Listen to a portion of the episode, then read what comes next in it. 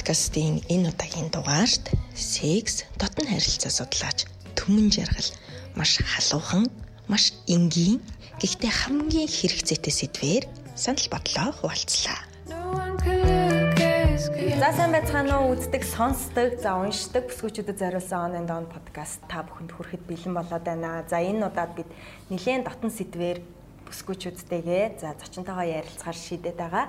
За энэ удаагийн подкастын маань зочин дотн харилцаа судлаач гэж бид бол монголчилж орчуулад байгаа тий. Ерөнхийдөө бол секс судлаач.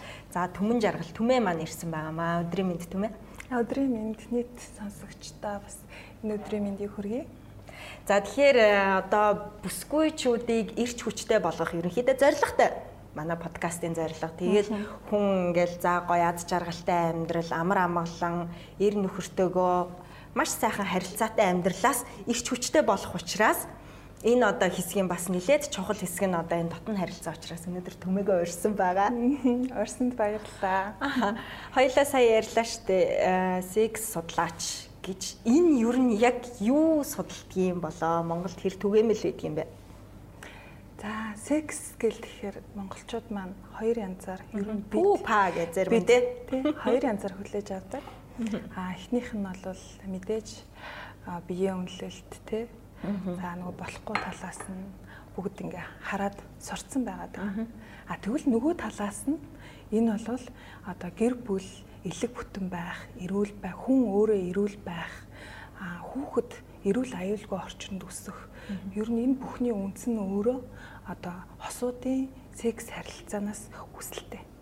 Тийм болохоор эмэгтэй хүн, эмэгтэй гэлтгүү эрэгтэй хүн ч гэсэндээ адилхан л ингээд хосоороо амьдардаг учраас яг энэ үндэс суур болсон харилцааныхаа яг үндэс болсон энэ бэлгийн амьдрал энэ монголчуудаар бол хорцох гэж яриад байгаа тийм энэ одоо талын мэдлэг боловсрал энийгээ илүү одоо нэг боловсрал талаас нь харж одоо сурах тийм зайлшгүй шаардлага мэдрэгтэй байгаа нийгмээсээ тийм ер нь сүүлийн үед ч гэсэн айгүй олон тийм подкаст одоо мэдээллүүд бүхэл телевизүүд иймэрхүү контентуудыг гаргаж байна.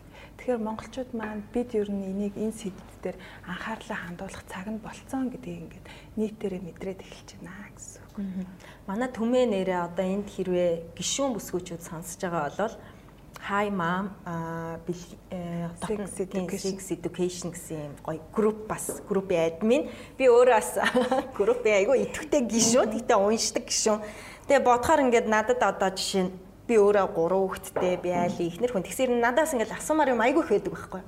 Тэгсэр нь ичээд байна л та тэнд нэг за энийг одоо ингээ уншдаг гэж мэдчихвэл энэ дээр нэг лайк дарчвал эсвэл энэ дээр нэг пост иччихвэл яана нөгөө таньдаг хин маань ингээд намайг ийм тийм гэ бодчих гэд ичээд байгаа байхгүй. Тэгэхээр яг одоо секс судлаач гэхээр ер нь төмөд дээр яг ямар асуудалтай хүмүүс хандд ихэр нээлттэй байдаг юм. Манад ер нь энэ одоо сексологч дээр очих энэ асуудал ер нь хэр түгээмэл байдаг юм. За ер нь анх энэ ажлыг хийгээд би ер нь яг нэг жилийн хугацаанд болж байна. Өөрийгөө ингэж зөрөгтэй зарлаад бол хагас жил болж байна. Яг эмэгтэй хүний хувьд яг өөрийгөө ингэж зарлаад явхад мэдээж сэтгэлийн бэлтгэл, сэтгэл зүйн бэлтгэл маш хэрэгтэй байсан. Тэгээ Монголд бол секс судлаач, сексологч яг мэрэгчлэр бол ихэвчлэн эмч суурьтай 10 гаруй хүн байгаа. Дандаа эмчнэр. Тэгээ эдгээр эмчнэр маань эмчнэр маань сэтгэл зүйн үндэсний төвд нь ажилдаг. Аа тэгээд хүмүүс мэдээж сэтгэл зүйн хувьд яг сэтгцийн эрүүл мэндийн төвд очоод энэ талаар ингээд зөвлөгөө авна гэхээр монголчуудын хувьд бол айгүй хэцүү. Тийм. Тэгэхээр нөгөө эмэгтэйчүүд маань яг ингээд сэтгцийн эрүүл мэндийн төв дээр очоод одоо сексийн зөвлөгөө аавна гэдэг чинь өөр айгүй хэцүү болчдөг. Тэгэхээр энэ одоо нийгэмд яг хэрэгтэй байсан мэдэгдэж байгаа нь бол би анх одоо өөрийгөө яг энэ секс бичвэрүүдийг бичээд эхлэхэд яг өөртөө ч адилхан би ингээд уншдаг хүмүүстэй дандаа синддэг хүмүүс хамгийн анхны сексийн бичвэрээ бичихдээ би айгүй зөөлөн сэдвэр бичсэн. Тэгсэн чинь нөгөө лайк нь 10хан лайктай. Тэгээд ерөөсө комент байдгүй. Тэгээд үгүй юм чи тэ яагаад ингэж байгаа юм болоо гэж бодоод тэгээ яг нөгөө группийн статистикийг харахаар хамгийн хандлттай пост тэр пост болчиход байдаг. Бүр ингээ тухайн үед групп маань 17 мянган гишүүнтэй байсан бол 14 мянга хэдэн зуун хүн тэр постыг харчаад байдаг. Тэгээ ингээ хариу үйлдэл байдаггүй. Аа тэгээд энгийн нөгөө нэг ээж байх, ихнэр байх, тэгээ бэр байх, эмэгтэй хүн байх ийм сэдвүүдийн бодрол бичвэрүүдээ бичгээр тэрэн дээр бүр ингээ лайк нь 1000 хүрэл. Доор нь хүүхнүүд ч өстой комент бичээл ингэдэг байсан. Тэгэл би за ер нь монголчууд бол энийг хүлээж авах та жоохон хаалттай хിവэрээ л юм. Хаалттай хിവэрээ байна. Хичнээн одоо ингээм эмгтээчүүдийн хаалттай группч гэсэн энэ дээр намайг таньдаг найз маань харчихвээ, юугээд бодчихвээ. Эсвэл ээж нь байж идэг, эгч нь байж идэг, нөхрийнх нь ажлын газрын хүмүүс байж идэг. Тийм болохоор нээлттэй байхгүй байгаадс. А сүүл рүүгээ эмгтээчүүд маань задарч эхэлсэн. За чөлөөтэй бичдэг болсон. Сүүл рүүгээ нөгөө секс зөвлөмж бичвэрүүд маань лайкийн тоо 3 400 хүрдэг болсон. Тэгээд хүмүүсийн хандлага ч гэсэн өөр болсон. Тэгэхээр одоо бол бид нар энийг зөв талаас нь сурталчилж зөв талаас нь хүмүүс таниулж чадах юм бол энэ бол маш хэрэгтэй сэдвэ гэдгийг эмэгтэйчүүд маань ер нь хүлээн зөвшөөрөөд эхэлж байгаа. Одоо нөгөө гэр бүлийн сэтгэл судлаач гэдэг юм уу гэр бүлийн сэтгэл зүйч гэж байдаг шүү дээ тий. Тэрнээс ер нь юугаараа ялгаатай юм бэ? За миний онцлог бол ерөнхийдөө их гэр бүлийн сэтгэл зүйч нар одоо Монголд байгаа нийтлэг хүмүүс бол ихэвчлэн зөвхөн харилцаа тал дээр зөвлөгөө өгдөг. За чи одоо нөхөртөө одоо ороод ирэхэд нь сайхан тэ гэрээ цэвэрлсэн, хоолоо хийсэн, ийм байх гэл. Ер нь нийгмээрээ бид нарыг эмгтээчүүдийг их тийм сайхан юм төгс тийм яг л юм сайн охин, сайн эмэгтэй, сайн ээж, сайн бэр байхыг л ингэ шаарддаг. А ерөөсөө тэгээд яг тэр хүн гэдэг утгаар нь тэр хувь хүн талаас нь ерөөсөө авч хэлцдэггүй. Тэгэхээр тэр хувь хүн өөрөө амьдралын чанартай, сэтгэл зүйн доктортой, тааламжтай, сайхан байхын тулд үндсэн одоо нэг Масловогийн пирамид байгаа шүү дээ. Идэж уух, өмсөж зүүх, нөхөн үржихүй, бэлгийн одоо хэрэгцээ гэж байгаа. Энэ хэрэгцээ зөв хангагдчихийж, энэ хэрэгцээг одоо хүн авч ийж одоо зөв эмгтэй хүн илүү тийм айлтай, эмгтэй айлтай одоо тийм эмгтээлэг нөхөртөөгөө ингээд зөв харилцаатай байна гэдгийг бол ихэнх одоо масаараар яг сайн харж чадахгүй. Зөвхөн одоо өнгөн талын зүйлүүд дээр анхаарал хандуулаад байгаа юм шиг харагддаг. А гэхдээ хит хитэн сэтгэл зүйч одоо хосын харилцаанд зөвлөгөө өгдөг хүмүүс бас бэлгийн амьдралын зөвлөгөөг бол өнгөц өгдөг. А яг бүр ингээ сайн өгж байгаа бол ганц хоёрхан хүн харагддаг. А тэгээ тэр хүмүүс маань эрэгтэй хүн байгаа. Тэгэхээр эрэгтэй хүн дээр эмэгтэйчүүд маань бас нэг очиод юм яриад байх бас сонирхолгүй. А тэр сэтгэл зүйчд маань зөвхөн ирчүүд хандаад байгаа алтай харагддаг. Тэгээд миний онцлог болохоор зөвхөн эмэгтэйчүүд гэж анх гарч ирсэн. Эмэгтэйчүүдтэй энэ мэдээллийг хөргий, эмэгтэйчүүдийн бэлгийн боловсролыг сайжруулъя гэж гарч ирсэн. Тэгээ яалтчгүй эн чинь өөрөө цаана нөгөө эрэгтэй хүн байгаа болохоор хосод хоёуланд нь ингээд зөвлөгөө өгчиж а энэ нэр юм хоёр хүн чинь хоёулаа хөгжиж а энэ одоо нийгмийн асуудлууд, энэ гэр бүл дээр асууд гарч байгаа асуудлууд одоо засарх юм байна гэж ажиглагдсан. Тэгэхээр зөвхөн бид нар эмэгтэй хүн л юм байх хэвээр, эмэгтэй хүн юм байх хэвээр гэж нийгмээр хандаад байх биш. Эр хүн ч гэсэндээ энэ тал дээр ийм мэдрэмжтэй байх хэвээр, ингэж хөгжих ёстой гэдэг мэдээллийг давхар тэнцвэртэй өгөөд явах юм бол бас гэр бүлийн харилцаа илүү гоё дотн болох багтай. За гэр бүлийн сэтгэл судлаач гэхээр надад бол толгойд бууж юм л да. Би ч бас өөрөө очиж үйлчлүүлж исэн. За яг одоо секс судлаач гэд тэгэхээр одоо хүмүүс ер нь ямар асуудалтайгаар ихэвчлэн хандах вэ? Тэгээ эргээд өөрөө одоо тухаас ямар зөвлөгөөнүүдийг өгөх вэ? Эхлээд би бас эн чин энэ одоо салбар маань өөрөө хэрвээ би одоо секс судалдаг одоо нийгэмд ингээд ил гараад ирсэн надаас өөр хүмүүс ингээд яг ин сэтгэл зүйч нар гээд байдаг шиг байсан бол за би энэ нийгэмд нэг иймэрхүү одоо тактикаар гарч ирэндээ тий би нэг иймэрхүү л одоо дөрмийг бариад явхад болно доо. За тэр одоо сэтгэл зүйч маань ийм арга барилаар явдаг тий энэ хүн маань ингэж явдаг гэдэг нэг юм надад нэг ойлгомжтой дүр зураг харагдах байсан. Тэгээ би ингээ анх ингээд энэ ажлыг хийх гэсэн чинь Монголд ерөөсөө тийм байхгүй. Харин би яг өөрөө чинь уурчаад ерөнхийдөө ингээл цахим орчинд хайгаад үзлээ л да. За секс судлаач гэдэг юм одоо монголоор юу гэдэг сексологч гэдэг юм одоо дотны харилцаа судлаач гэдэг юм ямар ч байсан ерөөсө түмэгээс өөр одоо өөрийгөө эрэлхийгээр илчилсэн хүн ер нь тэнд алга тэгэд бодод авахгүй. Яаж тэр хүмүүсийг олж очиж үнэхээр одоо жишээ нь те би асуудалтай бол яаж тэр хүмүүсийг олж очих юм? Яаж юм асуух юм? Хэрвээ ийм хаалттай байх юм бол Харин ер нь тэгээд ийм хаалттай болохоор би ингээ анх ингээд яг яаж авах учрааерсаа олохгүй байгаа гэсэн. Үгүй эн чинь хинээс үлгэр дуурайл авах юм тий. Би өөрийгөө юугаа зарлуулна нийгэм бас намайг юу гэж хүлээж авах юм хин гэж хүлээж авах юм. Зарим нь бол бүр шал эсрэг нөгөө одоо буруу талаас нь хүлээж авч байгаа хүмүүс байна. Зарим нь сайн талаас нь хүлээж авч байгаа хүмүүс байна. Тэгээ энэ талаар бол хитрхи өөрөө хувьдаа маш их өндөр мэдлэгтэй хүмүүс бас байгаа.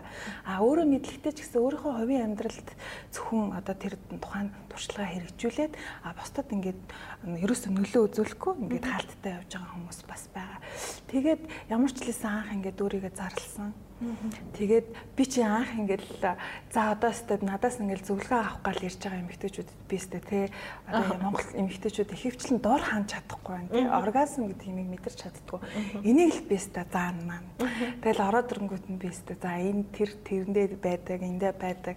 За өстө одоо ингэн тэгнэ гэл бүгдийг хэлж өгнө гэл. Сэтгэл зүйн бэлтгэлтэй анхны уулзалтаа хийхдээ би бүр нөгөө сексологийнхаа бүх номнуудыг гаргаж ирж нэг уншаал Амар сандралтай ингээ уулзчихсан. Тэгээ яг ингээ уулзаад үтсэн чинь эмгтээчүүд маань ерөөсөө аа мэдээч ингээ дурд тавьж чадахгүй байгаа нь бас нөгөө нэг л асуудал нь. Хамгийн гол асуудал нь бол эсрэг хүүснээ таньдгүй тийм л юм байна гэсэн би. Эхний 10 уулзалтыг хийснийхаа дараа тэр тэдгээр 10 эмэгтэйчүүд маань тэр эмэгтэй том мундаг улс төрч байна уу? Гэртээ хүүхдээ хараад байж идэг их хүн байна уу? Тэ одоо өчнөө том одоо 3 400 хүнийг ингээ удирдах явдаг эмэгтэй байна уу? Тэр одоо нийгмийн статус тэр хүний орлогоос үл хамааран Монгол эмэгтэйчүүд маань ерөөсөө өөрийгөө сайн таньж мэддэг юм байна. А өрөөлийг одоо нөгөө хамсрах хүүстэй хүүсээ таних гэдэг асуудлыг айгүй нөгөө баг судалж мэдрэмж тэр талын мэдрэмжээ хөгжүүлэх тал дээр одоо жоохон мэдлэг муутай юм байна. Тэр нь одоо юу гэсэн үг вэ? Одоо нөө ангаргаас ирсэн, санчраас ирсэн гэл эрэхтэй эмэгтэй хоёр хүний зан шин аливаа юм танд хандлагын ялгаануудыг яриад байгаа шүү. Тэгэхээр эрэхтэй хүний юу хүсэж байдаг, юунд дуртай, юунд дургууг мэдэхгүй байх гэсэн үг? За ер нь бол баг яхаа шуудаар хэлвэл нэг тиймэрхүү утгатай. А тэгвэл эмгтээчүүд маань өөрсдөө юу хүсэж байгаагаа эхлээд эхлээ өөрсдийгөө мэдэх байгаа юм байна. Юу ч мэддэггүй. Аа бид мэдхийг нийгэм өөрөө эцэг эхчүүд биднэрт энэ мэдээллийг өгч байгаагүй. А биднэрт ямар мэдээлэл өгдөг байсан бэ гэхээр чи сайн охин байх хэвээр. Чи гэрээ цэвэрлэх хэвээр. Аав ээжигээ ороод ирэхтэн чи ингээ гэрээ цэвэрлсэн цэвцээсэн хичээлээ эзэн сууж байгаа хэвээр. Багштаа чи багш одоо дуулууртай тий хий гэхт нь хийчдэг. Яг ингээ цомцоогоо сууж идэг. Ийм л охин байвал чи сайн охин. А ингээд хүнтэй бид нар суудаг анх ингээ гэр бүлийн амьдралыг эхлүүлдэг. Тэр эр хүний хувьд ерөөсөө л тэр эмэгтэй би сайн л эмэгтэй байх хэвээр. Яг л нөгөө эцэг их шаарддаг байсан, багш нар шаарддаг байсан, нийгэм биднээс шаарддаг байсан. Томоотой охиныг л хүлээдэг. А эрчүүд ч гэсэндээ нийгэм тийм охтуудыг хүсдэг болохоор эрчүүд ч гэсэн томоотой охиндоо суух юм бол миний амьдрал сайхан болно гэж боддог. За ингээд ихний одоо 2-оос 3 жил, за магадгүй 5 жил, 7 жил амьдрал ингээл хүүхэд төрн мэдээж анх нэг нэгдээ дурлна, сайн сайхан харилцаа үүснэ. Ингээ гоё ингээ амьдрал өрнө штэ. За тэгвэл эмэгтэй хүн нэг юм уу хоёр хүүхэд төрүүлснийхаа дараанаас эхлээд энэ нэг л болохгүй гэдгийг мэдэрч эхэлдэг. Тэгэхээр эн чинь өөрөө юу хүсэж байгаагаа мэддэг байх хэрэгтэй. Өөртөө зөгтөн ямар төрлийн араншинтай эр хүн зөгцөх вэ гэдгийг мэддэг байх ёстой. Тэр ихтэй хүнтэй суухаас өмнө ер нь мэддэг байх ёстой. Бид наснаасаа ер нь охтууд одоо ер нь өөрийгөө мэддэг, өрөөлийг мэддэг. За тэгээд энэ харилцааны талаар ойлголттой ирээдүйд бэлтгэгдсэн байх ёстой юм байна. Тэгээ энийг ингээ эцэг эхчүүд ийм юм ярихаар за нэг хүүхдээ өсвөр наснд хүрээлэрэнгүүт. За дэлхийн эрүүл мэндийн байгууллагаас өсвөр насны хүүхдийг 13-аас 19 насны хүүхэд гэж тодорхойлж байгаа. А тэгвэл сүүлийн үед өсвөр насны хүүхдүүдийн бэлгийн боожилт хэд эрт явагдаж эхэлсэн. Одоо энэ нийгэм хувьсаж өөрчлөгдөж байгаатай холбоотой зарим хүүхдүүдийнх бүр 7 наснд эхэлж байна, зарим хүүхдүүдийнх 9 наснд эхэлж байна. А гэхдээ яг энэнийг ингээд Google-дэж уншаад ээжүүд маань өсвөр насны хүүхдэд 13 наснаас нь эхлээл энийг ярих хэрэгтэй мэн гэж ойлгоод байдаг. Энэ ерөөсөө тийм биш. Анх яагаад одоо одоо эмэгтэй хүн тий энэ мэдээллийг анхнаас нь эхлээд хүүхдтэй нас насанд нь тохируулж бага багаар 100 чимэх чимхээр өгөх хэрэгтэй. За 2-оос 3, 3-аас 5 настай хүүхдэд те 3-аас 5 настай хүүхдэд анх яаж өгөх вэ?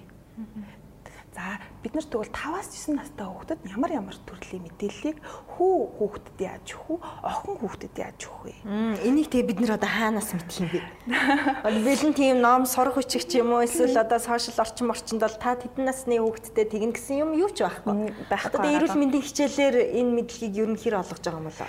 Эрүүл мэндийн хичээллийг бол ер нь бол энэ хичээлийг бүр сургалтын системээс хассан байсан. 2 жилийн өмнөөс эхлээд оруулсан шиг санагдаж байна. Тэгээд тэр тухай сонирхоод оцгод мэдээж эрүүл мэндийн хичээл хэрхэн зөв хооллох вэ? Орчны орчны бохирдол ямар байхаа ч гэдэг юм ийм хичээлүүдийг заахын хажуугаар за бас нөгөө бэлгийн боловсролын хичээлийг ерөнхийдөө бол зааж эхэлж байгаа. Аа тэгтээ энэ зааж байгаа дээр бол миний өнцгөөс харахад бол заах одоо тэр хичээлийг зааж байгаа багш нарын нээлттэй байдал. А энэ бэлгийн боловсролыг одоо бэлгийн харилцаа хурцах гэдэг хүүхдүүдэд өгөхдөө тэр ийм одоо багш маань жоохон ийм эвгүй сэдв ярьж байгаа юм шиг биеийн хилэмж, дуу хоолойны өнгийг өгөж тэр ангийн хүүхдүүдэд өгснөөр эргээд тэр одоо үл ухамсарлагдах буюу далд ухамсарт хүүхдүүдэд энэ бол болохгүй сэдв юм байна гэж ахаад л орчих учраас Миний уул нь хувь хүний үзэл бодлоор бол энэ сэдв дээр бол яг мэрэгсэн тий а яг бол энэ эрүүл мэндийн хичээлийг орж байгаа биологийн багш нар маань альсвал бүгд энд одоо нээлттэй байх сургалтанд тусгай сургалтанд хамрагдсан байвал их зүгээр юм шиг санагддаг. Тий. Тэгээд энэ мэдээллүүдийг ер нь бол ингээд шууд олоод уншихад гарч ирэхгүй л байгаа юм л та. Яг л эцэг эхчүүд минь тэгж хэлээд байгаа. Яг өөртөө зөвлөгөө авсныхаа дараа цаг дуусахад л үгүй манай хүүхэд нэг тэдэн настай. Би нэг ингэсэн гэл ингээл яг хэлдэг. Тэгээд энэ хэрэгцээ шаардлагыг хараад би ер нь ингээд ганцаа би ингээ ганцаараа надаас цаг аваад уулзж байгаа эмэгтэйчүүд олуулаа. Тэгээд би яг энэ эмэгтэйчүүдэд ингэж цаг гаргах цаг маань айгу хомс. Тэгэхээр нийтд нь одоо нэг малчин айл эмхтэй ч гэсэн аваад уншаасаа гэдэг үүднээс нийтэд нь мэдээлэл өгөх үүднээс яг энэ чиглэлийн номыг бас бичиж эхэлсэн ажиллаа эхлүүлсэн номоо бичээд явж байгаа.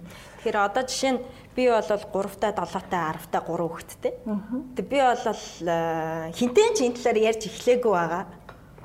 Одоо яаж ярьж эхлэх тэр хамгийн ихний одоо бид хоёр чинь нэг ингэж нүүр хагарч ярилцаж эхлэх нь шүү дээ тий. Тэгэхээр тэрийг ерөөсөө ойлгохгүй байгаа учраас энэ бол яг л одоо бид гурван бид дөрвийн дунд хаалттай сэдв за тэр баган ч одоо яхад дөнгөж хэлд орж байгаа. Нөгөө хоёртай нь бол хаалттай сэдв хിവэрэл байсаар байгаа хгүй. Тэгэхээр надтай адилхан бол олон ээжүүд байгаа ах гэж бодож байна л та. Ээжүүд, аавууд тий. Тэгэхээр хүүхдийн энэ боловсрлыг бид нэр за ном гарахаар бол ном уншиж байгаа юм. Ер нь одоо та бид нар ер нь яаж өгөх ёстой юм? бага наснаас нь эхлээд хүүхдтэй хамгийн төрүүлээд одоо 3 настай хүүхдийг төрөө нөгөө нэг хилдэж араагүй жоохон байна гэж хэлсэн. Тэр бол тийм биш. Хүүхэд бол эцэг эхийнхээ үйлдэл, царайны хувирал бүх юм ингээд мэдэрч идэг. Тэгэхээр хүмүүс секс гээл тэгэхээр учиргүй ингээд нөгөө бэлгийн харилцаанд ороод яг тэр хурцх процессыг бодоод идэг. Тэгэхээр секс гэдэг маань өөр өргөн агуулгатай. Бид нар энэ эр им хоёрын дотносол гэдэг имийг айгу тийм зөвөр ойлгож авах хэрэгтэй. Яг бага наснаас нь хүүхдүүдэд одоо эхнэр нөхөр хоёр, ээж аав хоёр хоорондоо яаж харьцаж байгаа тэр нөгөө дотн харилцаануудаа харуулах хэрэгтэй. Тэр чинь одоо хүүхдийн нүдэн дээр бараг үнсэж мүнсгтэй хүртэл хичээд идэг үстэй. Хүүхдийн тий яа нэг нэгээ үнсэх тий нэгнтэйгээ тэрвэрлэлтэй ч нотлцох, ноцолдох тий нэгэндээ хүрэх нэгнийгээ магтах, нэгэндээ шүргэх. Энэ үйлдэлүүдийг бид нэр хүүхдүүдэд харуулж явах. А тэгэхгүй ингээ эцэг эхчүүд маань энийг ингээ тас нуучдаг. Энэ зөвхөн унтлахны өрөөнд ороод болох хэвээр харуулгалтай. А хүүхдийн хажууд бид нар болол ийм сериосны те яг ийм үлгэр жишээ эцэг их байх хэвээр гэж ойлгоод байдаг. Тэгэхээр энэ мэдээллийг аваагүй хүүхэд том болоод хүнтэй суугаад учруу тэр одоо эсрэг гүйснээ халамжлаад, хайрлаад, биеийн хилэмж үзүүлээд ингэж байдаггүй. А тэгээд мөн 3 3-аас 5 настай хүүхдэд өөрийнх нь биеийг танилцуулах хэрэгтэй ээж нь. Аа яг толны өмнө зогсож байгаа. За чиний эн чинь энэ шүү. Бид нар одоо хүүхдийн за хамгийн түрүүлэл хүүхдийг бид нар нүд чинь хаана вэ? Хамар чинь хаана вэ? Уруул чинь хаана вэ гэж асуудаг хэрнээ. За бэлэг эрэхтэн чи хаана байна гэж хизээч хүүхдтэй хэлдэггүй.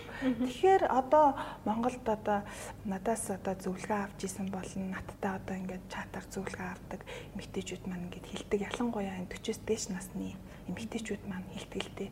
Тухайн үед би ингээд хүнтэй яхахтаа ингээд хаагуура хүүхдэд төрөлхий чи мэддэггүй. Тэ. Би энэ бэлэг эрэхтэнд ингээ хилүү гэдэг эрэхтэн байдгийг ч мэддэггүй. Ингээд би ингээд 40 50 жил ингээ амьдарцсан байна. Гэт ингэж байгаа. Тэгэхээр одоо бид нар ингээд оройтойг байгаа учраас хүүхдүүдтэй залуу ээж нар маань өөрийнх нь эргэтнийг нь танилцуулах хэрэгтэй. Энэ ийм учиртай, тийм учиртай. За тэгээ жоохон томроод ирэх юм бол энийг энэ эргэтнийг олон хүний дэргэд тийм ил гаргадгүй юм Зөвхөн энэ ариун цэврийн өрөөнд юм уу чиний унтлахны өрөөнд чи энийг ингээд ганцаараа байхдаа харж болно. За энийг улаацсан байна уу, үгүй вэ нүү, өрсөж гин үү анзаарч явах хэрэгтэй. Бид нар ингээд нүд ингээд хүүхдийн нүд ингээд өвдөөл ингээд дотор нь одоо юм тороход ингээд тороод байгаагаа мэдээл ээж дээрэл миний нүд ингээд жоохон сонирн болоод байна гэж хүүхд хэлж чаддаг. А тэгэхэд тэр доор байгаа одоо им бэлэг эрэхтнийг ч юм уу те эр бэлэг эрэхтэн хүүхдийн шодоог бид нар хэлж өгөөгүй юм чинь хаана яагаад байгаагаа хэлж гих жишээний. За тэгээд мөн бас одоо энэ хүүхэд бас янз бүрийн бэлгийн хил татчихээн тий. Хэрвээ одоо анханд нь одоо тэр хүүхдийн эмзэг ихэтэнд өөр хүн хүрлээ гэж ботход тэр хүн тэмний тэр хэсэг тэгж хүрсэн ингэсэн гэдэг тайлбарыг өгөх чадвартай байна гэсэн үг. А ингээд ээж нь багаас нь эхлээд нас насанд нь тохируулаад тодорхой мэдээллүүдийг өгөөд ирсэн бол одоо өсвөр наснд ирэхэд тэр хүүхэд ээжтэйгээ ярина энэ сэдвэр чөлөөтэй ярина. А хизээч ярихгүй байжгаад за чи одоо өсвөр наснд хүрчлээ. Одоо юу болоод байна гэдэг. Хизээч хүүхэд ярьдаггүй. Тэгэхээр бид нар дасгах процессыг, итгэх, ээждээ итгэх итгэлтлийн процессыг тэр хүүхдийг өгөөсгөө өгөөсгөхгүй байх өгөөсгөлийн процесс. Энэ бүгдийг бид нар ээжэд маань мэдчих хэрэгтэй. За мөн аауд маань ч гэсэндээ хүүдээ бас яг шат шатанд нь энэ мэдээллүүдийг өгч явах юм бол хүүхэд өөрөө нээлттэй ярилцдаг. Ер нь жижиг жижигээр нас насанд нь тохироод ингээл яриад ах хэрэгтэй юм байна л да тий. Тэгэхгүй гинтл нэг өдөр 16 нас хөрөнгө за чи том хүн боллоо гэж хэлж болохгүй нь шүү дээ тий. Би сая ингээд түмэтэ ярьжсэн чинь нэг юм бодлоо намайг баг байхад яг эрүүл мэндийн хичээл ордог байсан.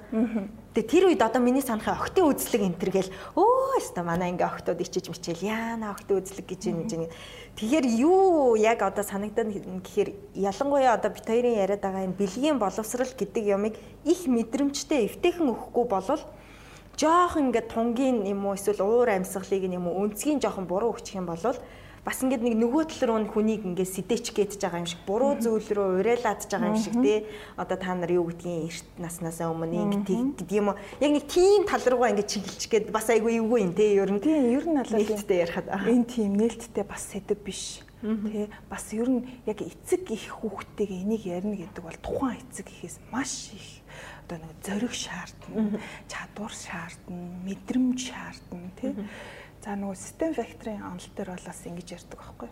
Хүүхэд анх одоо энэ мэдээллийг эцэг их нь өгөхгүй байлаа гэж ботход гаднаас гадны орчин, найз нөхөд, хүрээлэл, багш, сургуулийн орчин, гадаад тоглох орчноос энэ мэдээллийг авчдаг. Тэгэхээр нөгөө ээж ээжийнхаа одоо хариу үйлдэлийг хүүхэд айгүйх үгээр биш байсан ч гэсэн биеийн хилэмжээр мэдэрч идэг. Тэгэхээр одоо гаднаас нэг хүүхдээс энэ хорцох секс гэдэг юмыг сонсчвол 7 настай банд гүүж орж ирэл ээжээ секс гэж юу юм бэ? гэл ингээл асуухад хөш дууд ич. Гэл ингээл хэлчих юм бол тэр хүүхэд ээжийнхаа тэр одоо хөмсгөө зангидсан. За тэр өөртөө хичнээн сайхан зөөлөн харцдаг ээж ямар одоо хоолоо өнгө аясаар юу хэлж ийн гэдгийг тэр хүүхэд нөгөө үл ухамсарлах тухай талд ухамсараараа ахиал өөртөө шингээж аваад а энэ секс гэдэг юм чинь ер нь их муухай юм биш шүү гэл ингээ хүлээгээд авчдаг.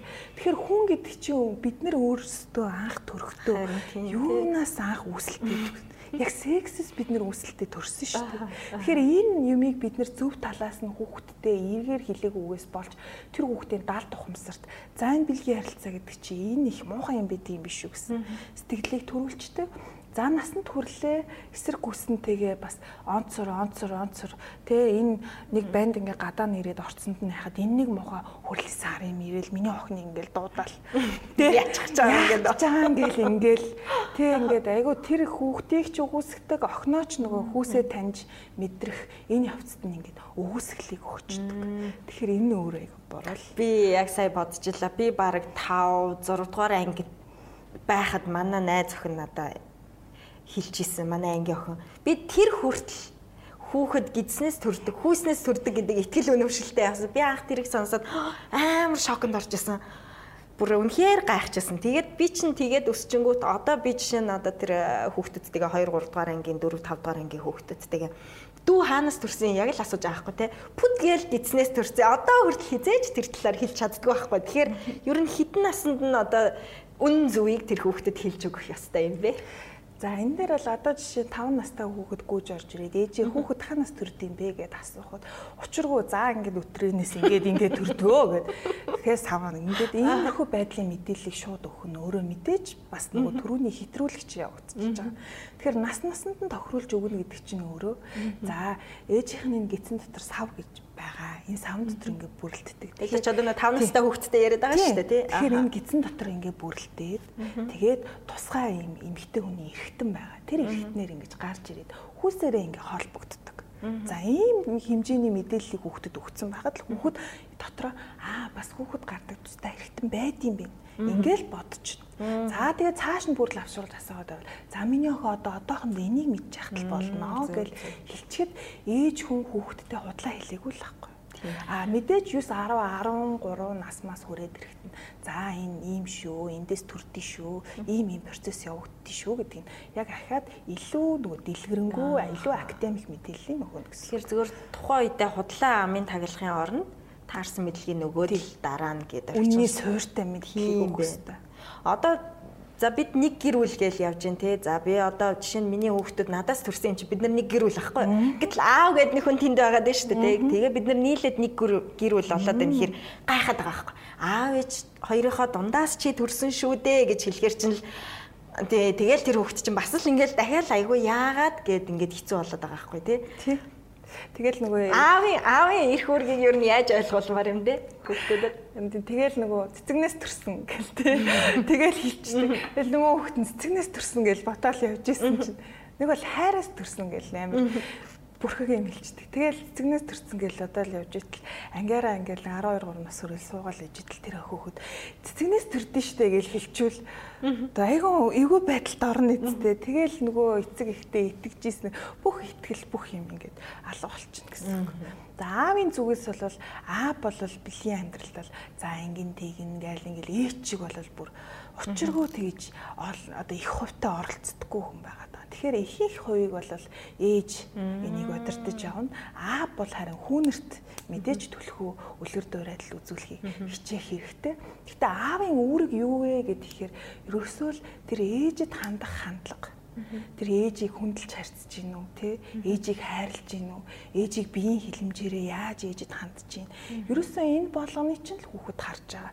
Охин хүүхэд бол аавынхаа хандлагыг хараад а эр хүн ийм л байх хэрэгтэй юм байна а хүү хүүхэд бол а эцэг хүн болоод би ингэж л ханднаа л гэж бод. Тэгэхээр одоо эцэг хүн одоо хүүхдүүдтэй тий эхнэртэй хайн ханддаг тий зөвхөн ажиллаас ажиллаа хийж байгаа л орж ирэл уцаа авч байгаа л унтчихдаг. Ийм байдалтай хан бол хүү том болоод өсөөд айлын нөхөр болохдоо эхний 2 3 жил яг нөгөө нэг халуухан бурамхан үедээ байгаа байж байгаа л за 2 3 дахь хүүхэд төрөөд ирэхэд яг аавын хувилбар руу шилжин. Аав нь ингээл загнаал байдаг. Аав нь охноосоо ингээл өө хаяал үгүй чи энэ аягыг ингээ хаалтчихж байгаа мó гэл ингээл байдаг болол тэр охин ингээл буруутгал хүлээгээл миний охин гарын зүсэгтчээгүй үз гэж ингэж асуухын хооронд аяга хагалчлаа салгалсан гэл бид нэр ингэдэг. Тэгвэл тэгэл том болол тэр охин за ер нь эр хүн ингэж л харьцдаг юм хитэн хүнтэй. Тэгээд тэр хөлийн зөвшөөрөх нь шүү дээ. Тэр л өөрт нь илүү дотн санагдана. Зөв зөв. За сайхан харьцдаг, өөрийг өөрийг нь хүндэлдэг, өөрийнх нь орон зайг мэддэг, чөлөөтэй байдаг гэж бүл төссөн охин. Гинтл нэг эрэгтэй хүн ааш цан хувирал муухай харьцаад эхлэх юм бол энэ нэг л болохгүй шүү тий энэ нэг даамжруулахгүй байх талаас нь бас тэр хүн чинь үл ухамсарлагдах удаа бас мэдэрч л байгаа хоёлаа түрүүнийхэн зөвлөгөөрөө үргэлжлээд орё. Сексийн зөвлөгөө гэд би айгүй сонирхдаг байсан сэдв. Юу зөвлөдөг юм бол надад бас төсөөл байхгүй байгаа байхгүй юу? Ерөнхийдөө одоо юу ярих юм бол гэж. Яадгийн одоо үзлэг хийчдэг юм болоо яадаг бол гэж хүмүүсээс бодож байгаа хэл та одоо эмэгтэй хүн очиад зөвлөгөө авахаар тэгээ эмэгтэйчүүд эмчдэр үзүүлж байгаа юм шиг ингээл зөвлөөл үзэж харж байгаа л эн чинь болохгүй энэ чинь болохгүй гэдэг юм болоо яадаг юм бол гэдэг ер нь сонирхож байгаа ах гэж байна үзлэг яаж явагддгийг. За энэ дээр бол үзлэг гэхээр бол энэ эмчтэй анагаахын талын болоо явчин. За секс судлаач, сексологч мэрэгжил бол өөрөө хоёр суурьтай байдаг. Нэг нь сэтгэл зүйч суурьтай байж болно. А нэг нь анагаахын талын суурьтай. Тийм ийм байгаад байгаа. Мөн бас одоо барууны орнуудад бол бэлгийн боловсрол олгогч секс educator гэсэн ийм мэрэгжил бас гарч ирсэн байна. Тэгэхээр миний хувьд бол ерөөсөө сэтгэл зүй дээр а харилцаан дээр өдөр тутмын харилцаан дээр зөвлөгөө өгдөг. Тэгэхээр би ч нэг түрүү хэлчихсэн шин ах чим зүгээр за чиний жи цэг чи эндэ байгаа. За чи хэлүүгээр ингэж дур тавина тий. За хэлүү чи юм, өтрээ чи юм, энэ хоёр юм, энд ийм ийм цэг байгаа. За ингэж хавтлын болон хавтлын бусаар чи ингэж ингэж болно гэдэг. Ийм л зөвлөгөөг би анх өгнө гэж бодсон. Ийм л бэлтгэлтэй анх зөвлөгөөнийхөө цагийг хүмүүст өгч эхэлсэн.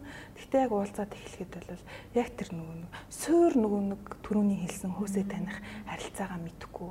Одоо жишээ нь Монголд бол их их гэр бүлүүд орчин үед шилжсэнтэй холбоотойгоор тусдаа унтаж эхэлж байна тусдаа оронд унтдаг. Нэг нь хүүгээ аваад унт нөгөө өрөөнд унтдаг, нөгөөх нь охин аваад нөгөө өрөөнд унтдаг.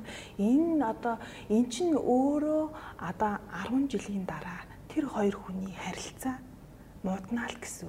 Яах гэж ир ийм хоёр одоо нэг оронд орж унтдгийг шүргэлцээ, энергийн солилцоо тий энэ болгоно нүдэнд харагдахгүй энэ одоо харилцааг бид нар доороос нь ингэж усалж зөв системтэй ингэж явуулж явах Тэгэхээр ерөөсөн анханасаа яагаад та тэгээд ингээд нөхөртөө ингээд тусдаа унтдаг болсон бэ? Яагаад ингээд 20 жил ингээд унтж байв?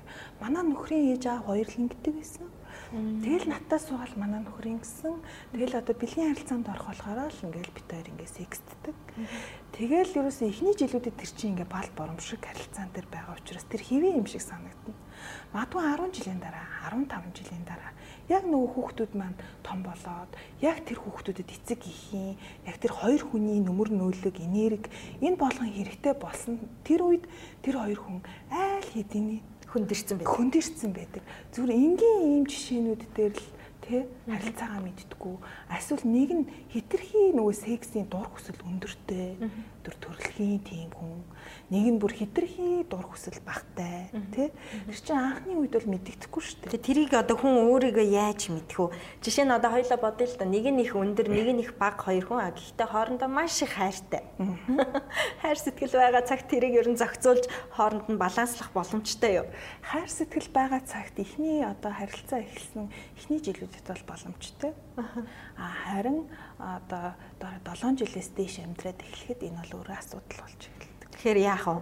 Тэгэхээр одоо энэ дээр их хийж байгаа хоорондоо чөлөөтэй ярилцгал хэрэгтэй. Тэгэхээр манай гэр бүлүүд ярилцдаггүй. Яг энэ сэдвийг ярья гэхээр нэг нь цухтдаг. Нэг нь бүр ярийг хойноос нь хөөцөлдөд. Нөгөөх нь болохоор цухтаад. Одоо тэр их өндөр одоо мэдрэмжтэй баг хоёрт бол аль алинд нь асуудал байхгүй шүү дээ. Энэ бол би хүний нормал зүйл үстэй. Эсвэл жоохон согог энтер байна. Үгүй энэ бол ерөөсөө нормал. Одоо ингээд э, ингэдгэлтэй одоо эмхтэй хитрхи их дур хүслэгтэй бол чи яасан гаж юм бэ? Чи ингээд гажин юм шүү гэл ингээл ингээл хэлэх. Эрэгтэйгээ те чи ямар амар сони юм бэ? Ямар амар шалиг юм бэ? Тэг ямар ядаргаатай юм бэ? Тэг чи ингээд бараг ёс зүйгүй байгаа юм шүү. Тэг үр хүүхдээ бодооч, ажил төрлөө бодооч эннийхээ оронд гэл.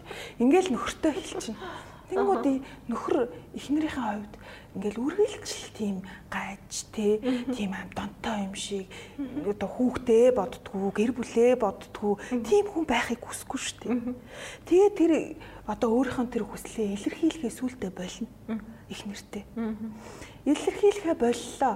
Тэгээ болсноос эхлээд яах юм? мэдээж гадуур харилцаа үүснэ. Тэгэхээр эмэгтэйчүүд маань энэ дээр айгүй анхааралтай байх хэрэгтэй.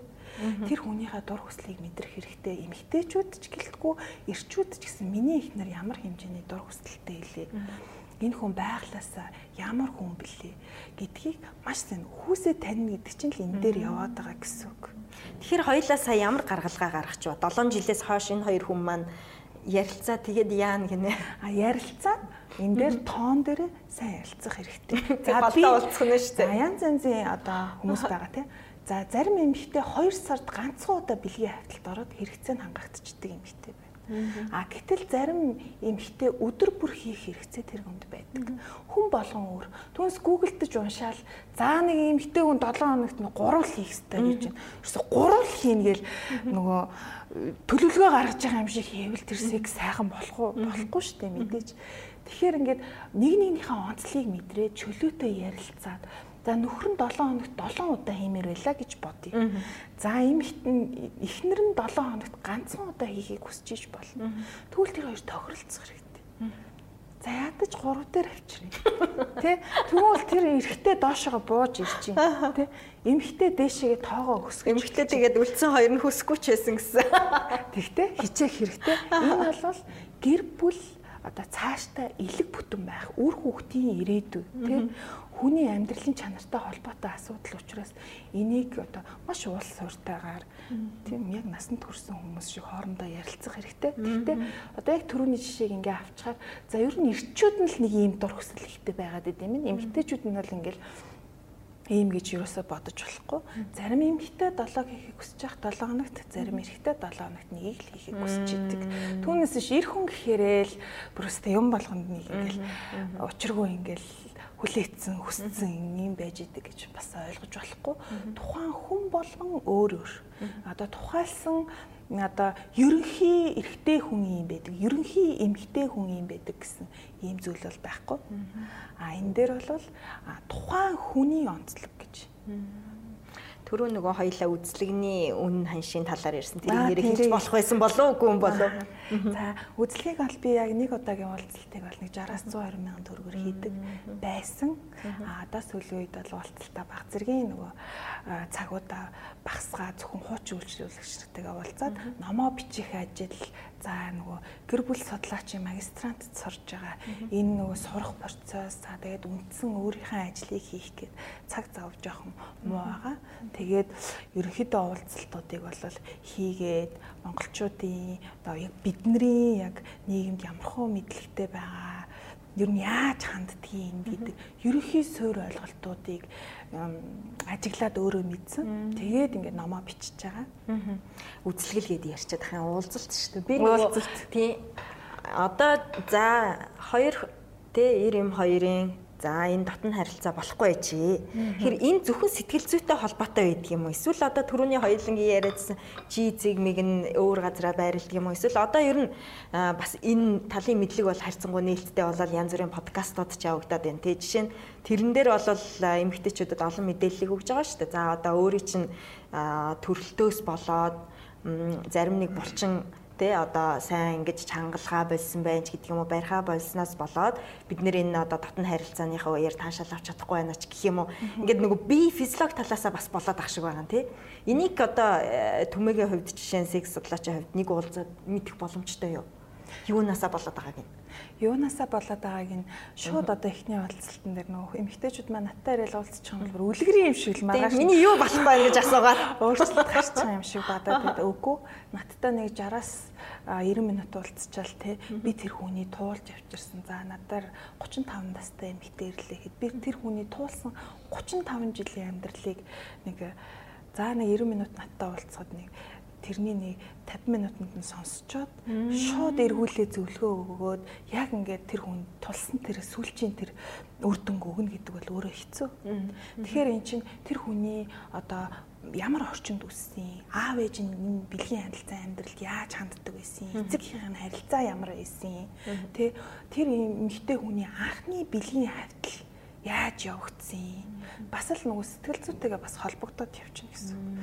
Аа тэгээд энэ дээр ингээд та одоо бэлгийн харьцаанд ороод юунаасаа таашаал авдیں۔ Хавтлын хавтлаараа яг таашаал аваад байна уу? Хавтлын бусдаараа таашаал аваад байна уу? За тэгээд ерөнхийдөө тэр эмэгтэйгийн өөрийнх нь өгсөн мэдээлэл зарим эмэгтэйчүүд худлаа мэдээлэл өгнө тий. Эхний ээлжинд өөрөө задарч чадахгүй тий. За альсвал зарим нь намайг энэ нэг юм мэддэг юм уу мэддэг юм уу гэж сонжиж ирнэ тий. Гэх жишээний.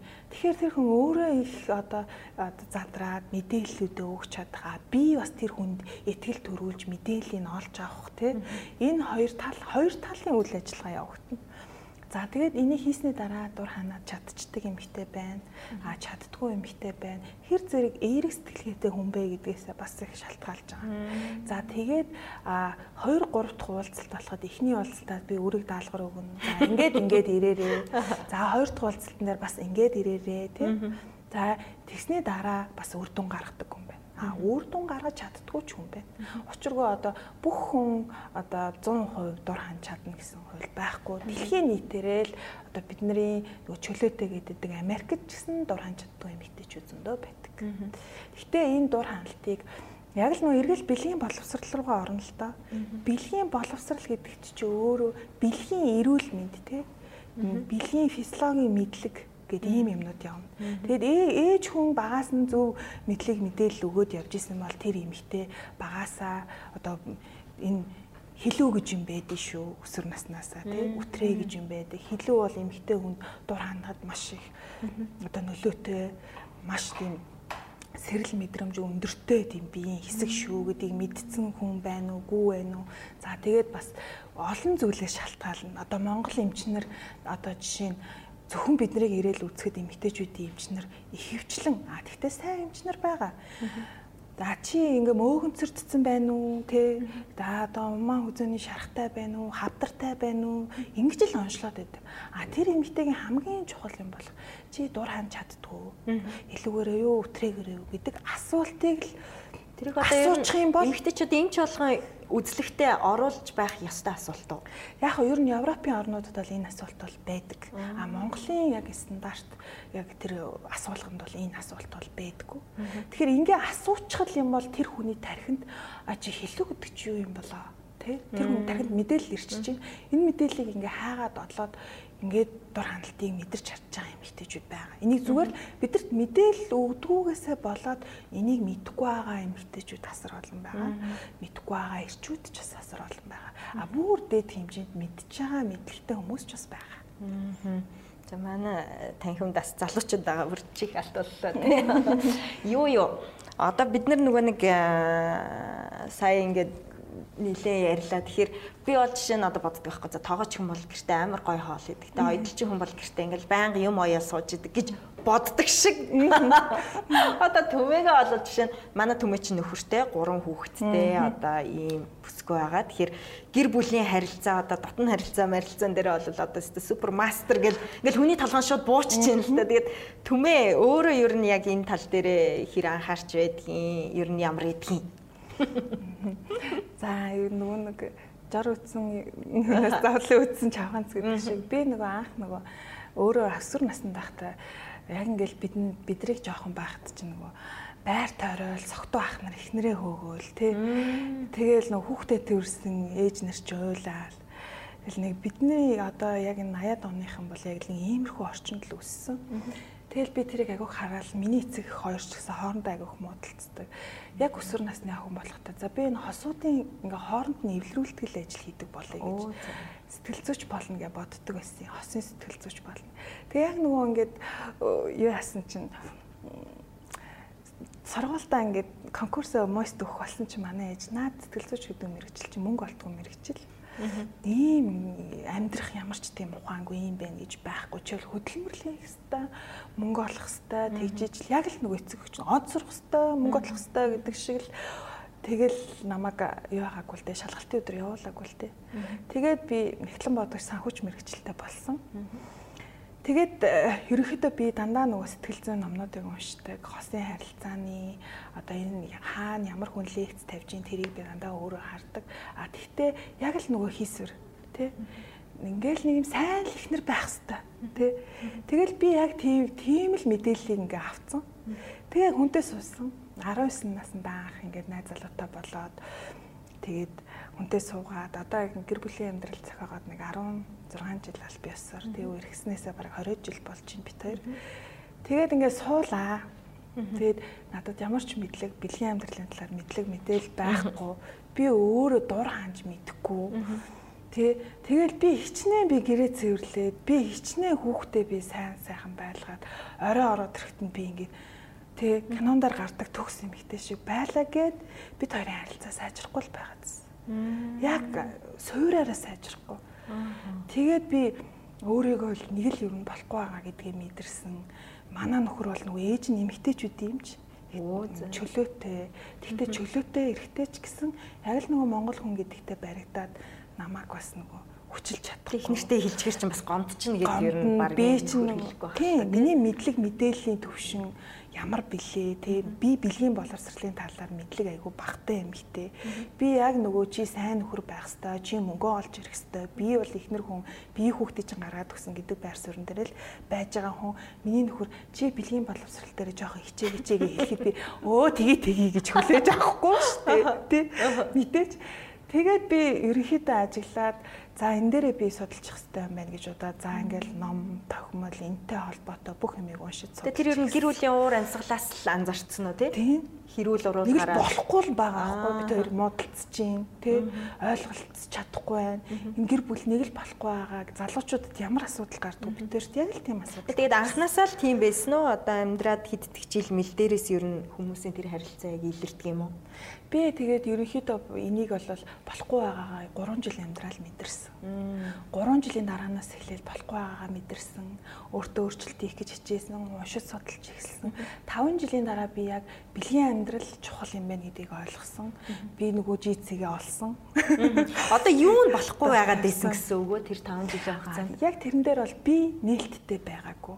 Аа секс гэдгийг би зүгээр л те яг анх нэг өсвөр наснда даавраасаа болоод үсэлцээл, шүргэлцээл сайхан санагдаад энийг хийж исэн. Бис яг тэр надад миний амьдрал ирч хүчтэй байх тий.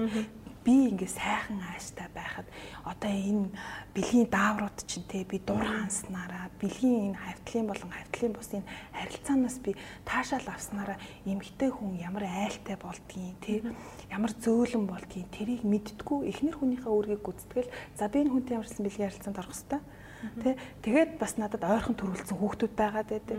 Хүүхдүүд, гэр орны ажил, асар их юмдаа би ингээд дарлагдаад байдаг. Тэгээ энэ болгоныг л анзаардаггүй байсан. А энэ дээр би анхаарч эхэлснээс эхлээд одоо нөө бидний дунд нэг явган яриад шүү дээ. Дур тавьсан эмэгтэй нөхөртөө өглөө цайг нөхөртөө миний хэн цайгаа уу гэдэг өгдөг. А дур ханаагүй эмэгтэй чи наадхаа уучаач. Тэ ширэв татав ширэв татав гэ ингээ явдаг. Нүг дарга нарыг ч гэсэн тэгэж ярьдаг тэ. Үгүй энэ эмэгтэй дарга үгүй чи одоо шүн нөхөртөө янз бүрийн болоогүй. Ниймэрхүү бидний дунд явган яриа байдаг. Яг л энтэй адилхан би тэрийг мэдэрсэн, тэгээ уншдаг болсон, судалдаг болсон. Хуваараа ямар ямар төрлийн сексүүд байдгийг, яадгийг сүултээ бүр тэрэндээ донтсон.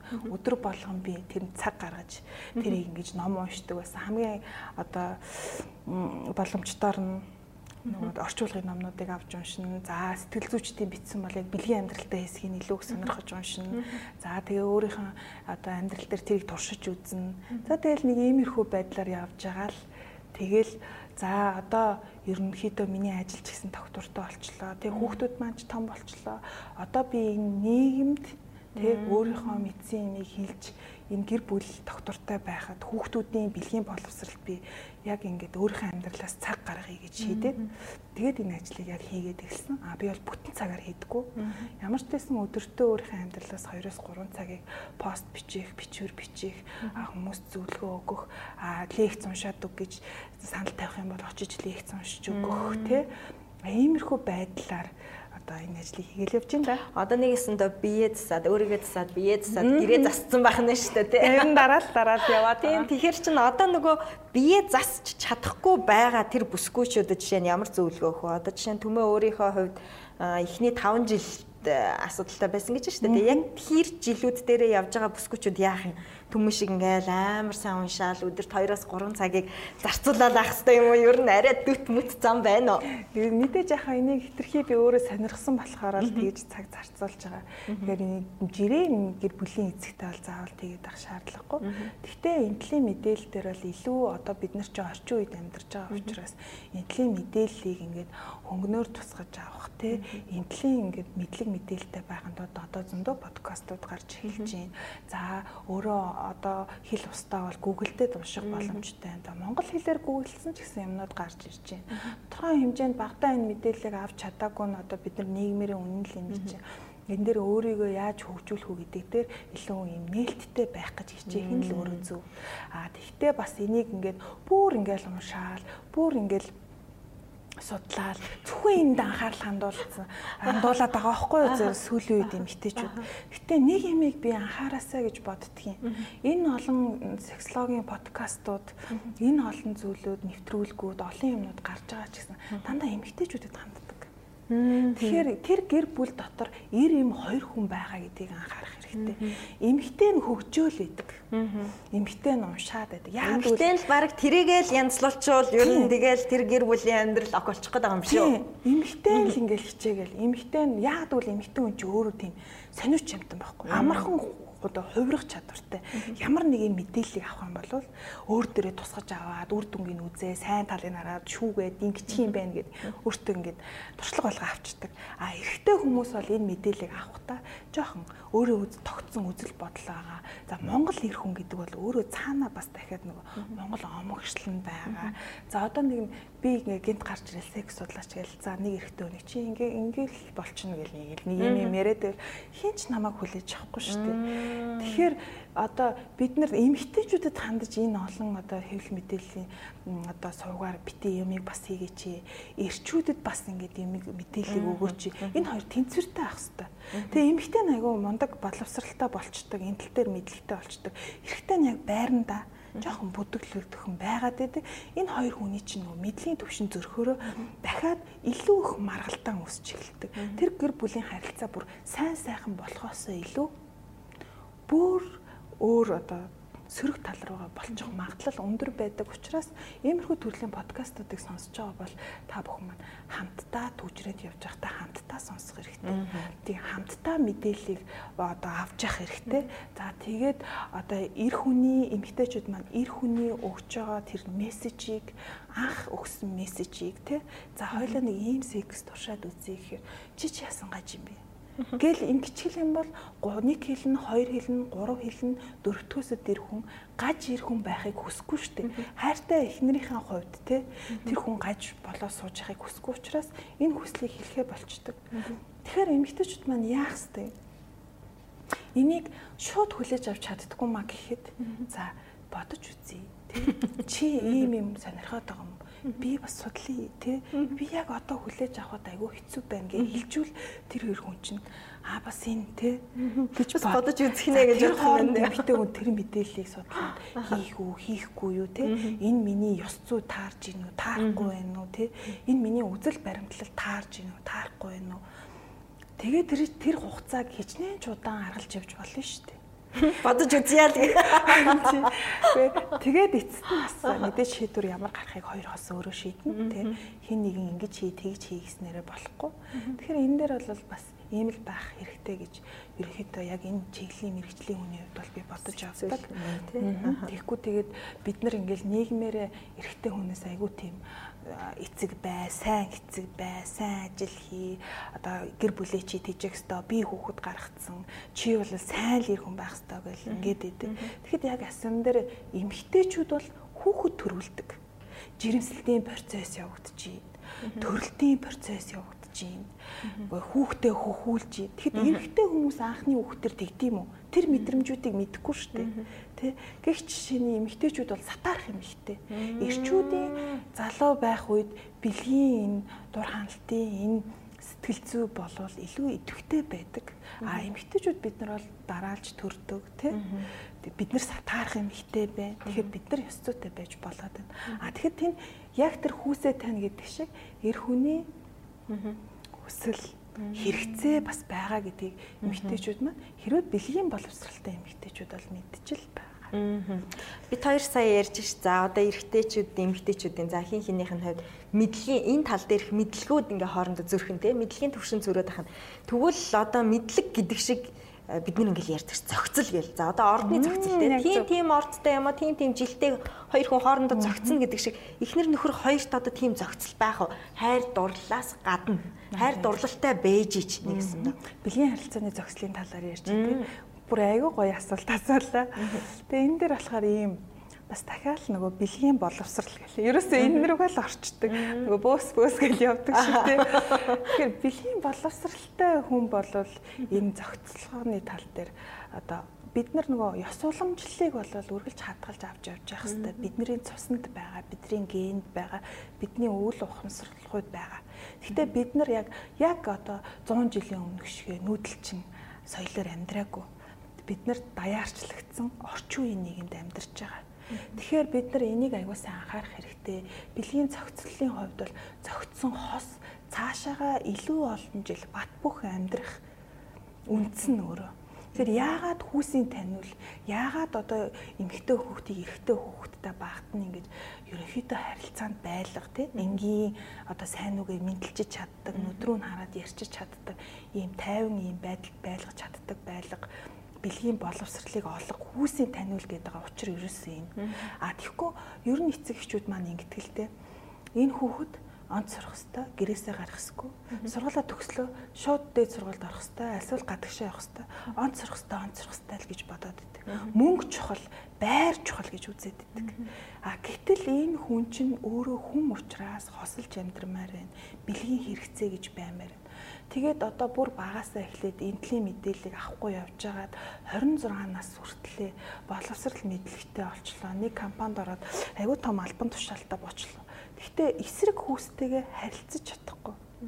Хүүсээ өөрийнхөө хүүсийг таниагүй. Тэр эсрэг хүүснийхээ онцлогийг таниагүй хүн одоо бэлгийн зохицлын тухай ярих айгүй хэцүү асуудал байгаа. Тэгэхээр зохицол сайтай гэр бүл бол аюу сайхан гэр бүл болно. Тэгэхээр бид нар одоо нөгөө онгон бай, тэ ариун бай. За анхны хүнтэйгээ гэр бүл бол гэдэг энэ хатуу энэ одоо нийгмийн шаардлагуудыг зөөлрүүлж өгөх хэрэгтэй юм шиг санагддаг. Яг өнөөдөр онгон байх ёстойг охтуудаас байнга шаарддаг. А тэгтээ яг анхны онгоо охинтойгоо унтсан эр хөөгөн яг тэр охинтойгоо гэр бүл болтгоо. Тэгээд одоо энэ нийгмийн энэ амар чанга энэ хуйланд чинь тэр хөвгүн хаяа явчлаа. Тэр охин одоо яг яах ёстой тий? Гэх мэдчлэн. Тэгэхээр зохицол гэдэг юмыг тэр хүн эхлээд өөрөө өөрийгөө таньж мэдээд өөрийнхөө юу хүсдгийг мэдээд тэр хүнтэй хэсэг хугацаанд байж үзээд зохицохгүй бол тэр харилцааг зогсоодог. Хичнээн хайр дурлах байлаач хэрвээ зогцохгүй бол ер нь тэр харилцааг зогсоох хэрэгтэй юу? Эсвэл хайр дурлалтай учраас явандаа зогцчих юм уу? Би болохоор энийг бол хоёр талаас л авч үздэг. За хайр дурлал байгаад зохицож чадчихвэл мэдээч тэр бол сайхан харилцаа. Хайр дурлал байгаад зохицуулахыг одоо хичээж чаддаг гэр бүлүүд бас байна. А гэхдээ ер нь бол зохицохгүй л одоо сексологч зохицохгүй юу? Сексологчдын ярьж байгаагаар бол үнэхээр зохицохгүй гэр бүлийн харилцаа хэцүү л байдаг. Ер нь тэр тэгээд явандаа зогцсон гэсэн баг байхгүй. Тэгэл анханасаа л зогцохгүй насан туршдаа зогцохгүй гэсэн үг үү? Эсвэл хин нэгнийх нь энэ талаарх мэдлэг мэдээлэл нэмэгдээд хичээл чармаалтын үр дүнд зогцчих юм уу? Тий. Мэдээж хүн болгон энэ хичээл чармаалтыг гаргаж чадахгүй, гаргаж чадж байгаа, эерэг байж чадж байгаа, хоорондоо ойлголцож чадж байгаа бол энэ бол болно цогцол. Хайр байж штэ. Хайр байгаад байхад энийг бас хийхийн төлөө тэр хүмүүс хичээх хэрэгтэй. Хичээж чадвал энэ бол байж болно л гэсэн үг одоо за ингээл те яг нөгөө бал бором шиг сайхан явж байгаа ихний 3 дахь жил дээрээ 4 дахь жил дээрээ магадгүй хоёр хүүхэдтэй болцсон. Гэтэл үнэхээр зогцдгүй байна гэдгээ мэдвэл одоо жишээ нь Монгол гэр бүлийн энгийн Монгол гэр бүлүүдийн хувьд бол аюу хэцүүлтэй хүүхдээ өнчрүүлэхгүй. Тэгээ одоо эн чинь ийм юмнаас болж салж ийн гэж хэлэх чинь өөрөө бараг гутамшигын асуудал болж байгаа байхгүй. Тэрнээс ш цохлоо нүдлээ зодлоо эсвэл араар тавилаа гэвэл энэ бол салах шалтгаан тий. Гэтэл бид хоёр зөгцдгүн байна гэж юу н манай монголчууд ер нь салдгийн болов Яг гоо энэ дээр бол ихэвчлэн ажиглагдж байгаа зүйлүүдээр бол нөгөө эрэгтэйчүүд маань эмэгтэйгээс чигээсээ их юм хүсээд байдаг.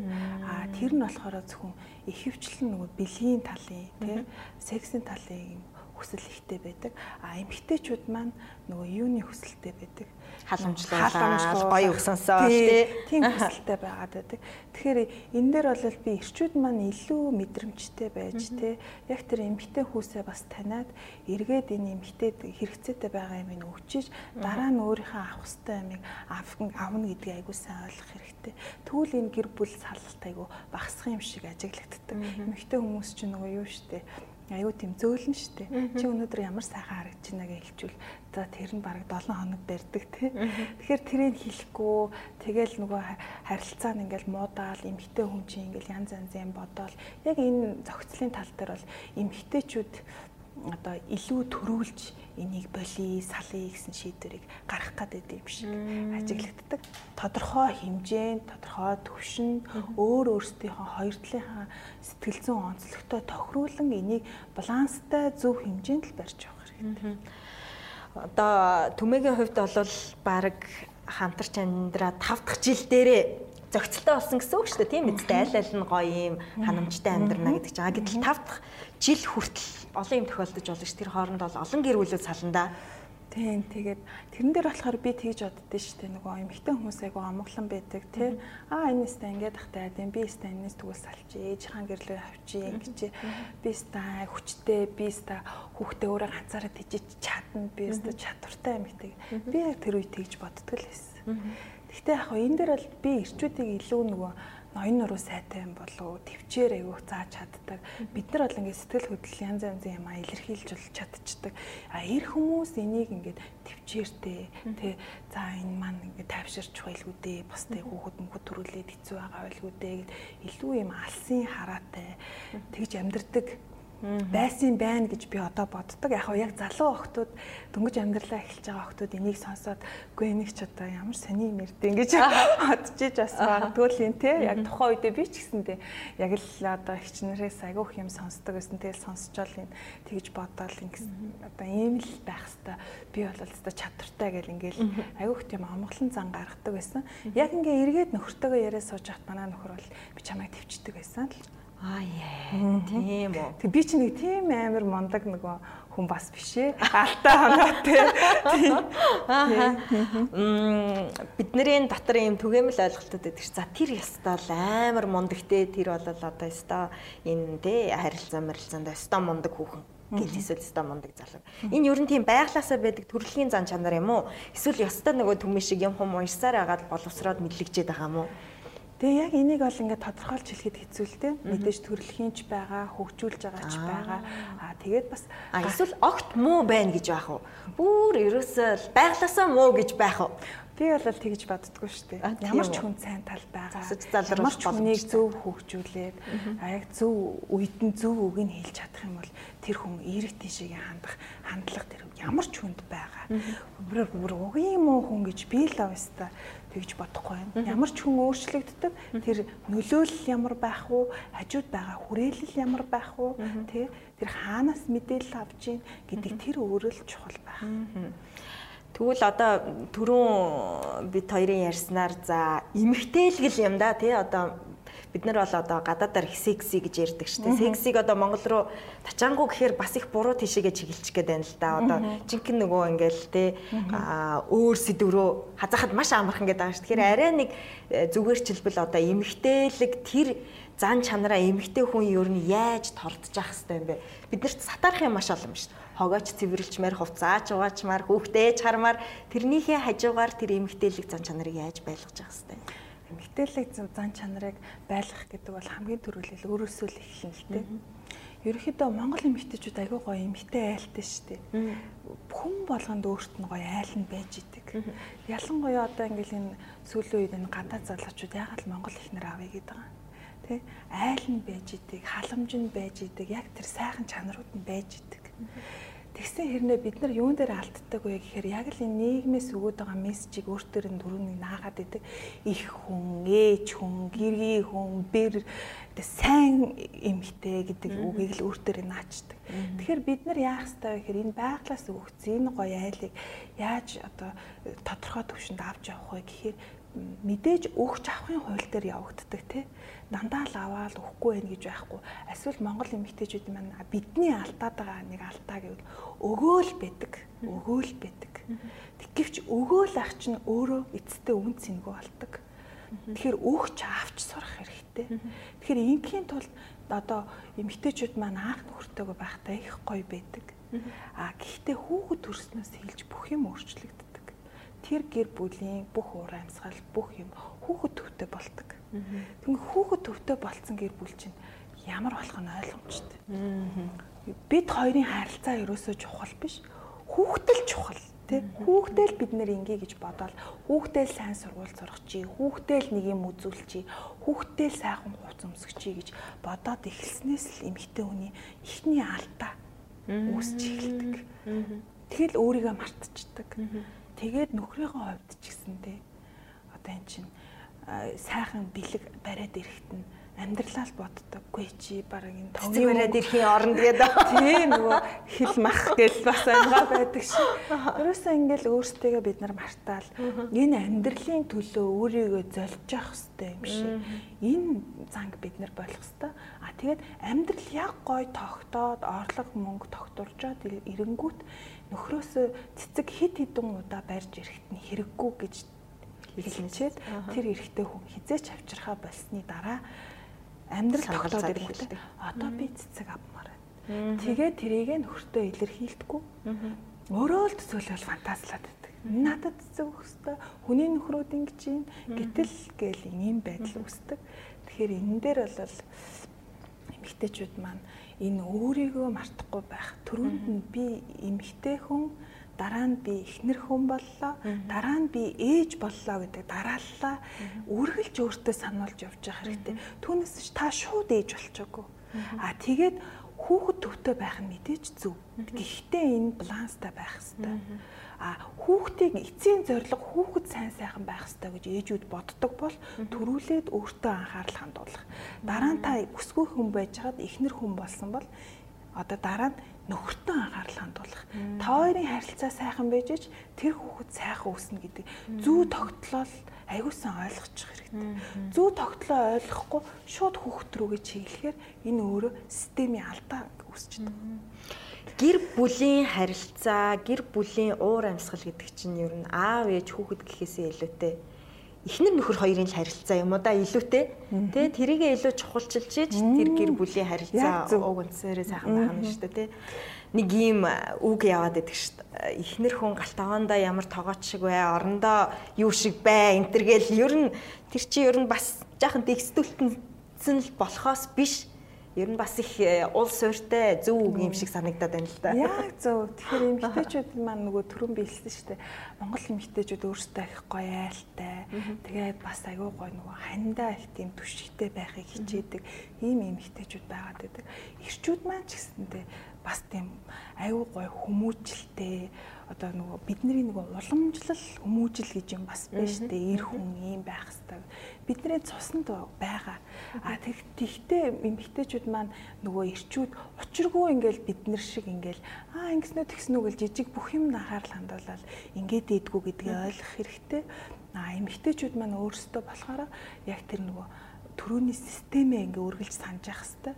Тэгэл ерөөсөө эмхтэй нь одоо илүү тэгтээ энэ гэр бүлийн харилцаан дээр энэ уян зөөлөн байх тий энэ нюансаа ингээ мэдж мэдэрч чадах юм бол тэр гэр бүлийн уур амьсгал өөрөө аюу гой болдог. Эмхтэй л их чиглүүлгийг өгдөг тэр эр хүн ямар байх чиглүүлгийг эмэгтэй нь илүү их өгөөд идэг а эрэгтэй нь эмэгтэй нь ямар чиглүүлэг өгч чинь яг тэр чиглүүлгийн дагуу хариу үйлдэл хийж авдаг. Монгол эмэгтэй ер нь нэг тийм нийгэмд цогцсон ерөнхий юм хандлага байдаг ш. За их гой бүсгүй айл сайтай. Тэгээл ингээл сүүгээ самраал цайгаа чанаал их гой хатан ухаан мухаантай тий. Аа тэгээл ингээл жоохон за өшөө арай илүү байх хэвээр эмэгтэй хүн өөрийгөө боддог байх хэвээр нөхөртөө тий юу хүсэж байгаагаа хилдэг байх ёстой болоод явчихаар аа нөгөө барууны янз бүрийн кинонуудыг дуурайсан тий. Одоо ингээд тэгээ янз бүрийн завхаа зайдан болчихж байгаа юм шиг ингээд өөрөө өөртөө нэг тийм хязгаар тавьчихдаг юм шиг байна тий би чинь оо Монгол цэвэр чимтгий гэдэг нэг бас бидний чинь тодорхойлчиход байгаа шүү дээ тий Тэгэхээр тэр цэвэр ичимтгий зам бол эмхтэй хүнд байх хэвээр. Бид нар чинь бас ингэж ичингүүр чи найл бэж ич эмхтэй гэдэг яг энэ хүс чинь өөрөө ингээ гоё ил гарч байгаа. Гэхдээ энийг бодох хэрэгтэй. Өмнө нь бол бид нар өөр нийгэмд амьдарч ирсэн. Гэхдээ тэр нийгмээс авах юм их байгаа. А орчин үе бол өөр тий орчин үед ингээл сүүгээ самраал ингээл сууж байгаа юм хитэ бас хэцүү шүү дээ. Сошиал орчин хөгжсөн байна. Тий нийгмийн олон олон асуудлуудыг бид нар гар утснаас шууд харцдаг болж байна. Тэр хүний бодод сэтгэх гээд олон юм байна шүү дээ. Түмээ маань гурван хүүхэдтэй За гурван хүүхэд нь хид хідэн настай байлээ. Яг одоо нас насанд нь хамааруулаад яг юуг ярьж чадчихэв энэ сэдвэр. За би 8-аас 14 насны 3 хүүхэдтэй. Тэгээ хоёр нь охин, нэг нь хүү. За энэ сэдвийн хүрээнд бол би хүүдээ бол мэдээж хүүгээ би жоохон юм хүмүүжүүлдэг. Одоо эмэгтэй хүний хүндлэх хэвээр тий. Чи эмэгтэй хүүхдэд ингээ хүндэлтэй хандах хэвээр гэдэг энэ суур мэдлэгийг ингэж өгч За тэгээд дээрэс нь одоо чимээ шүдээ зууж бийцэж явах хэрэгтэй ч гэдэм үү те. За тэр нь ямар учиртай энийг ингэж одоо мэдээж тэр чинь нөгөө нэг бас ингээл нөгөө шүдээ зууж бийцсэн гэдэг чинь Монгол уламжлал байхгүй бас яаж эрүүл байх одоо бүх дотор эрхтэнтэй холбоотой учраас шүдээ эрхтэйчүүд үү? Эрхтэй эмхтэй бүх хүн шүдээ зуу шээж явах явцад нөгөө нэг шүд хүн дэрдэг. Тэгэхээр тэрийг хүн дэрүүлэхын тулд ингэж шүд ирүүл байна гэдэг чинь бусад бүх одоо ирүүл бүх идэлж байгаагүй юм байна. Ирүүл байна гэж одоо нөгөө бидний өвөг дээдсэн гэж хэлж ирсэн. Тэгэхээр би тэрийг бас хэлхийг одоо хүүгээ ирүүл байлгахыг за шодоогоо ингээ угааж цэвэр байх хэрэгтэй 8 настай. Тэгээд энэ талын мэдээллүүдийг ингээ насанд нь тохируулаад ингээ өгөөд явдаг. А яг одоо бол би хичнээн ингэж хэлж байгаа ч гэсэн тэр чи өөрөө эрэгтэй хүүхэд учраас учиргүй очиол охтуудыг ингээл хүндлээд байдггүй бас ингээл цогж мохол өвлөлцсөн л байдаг.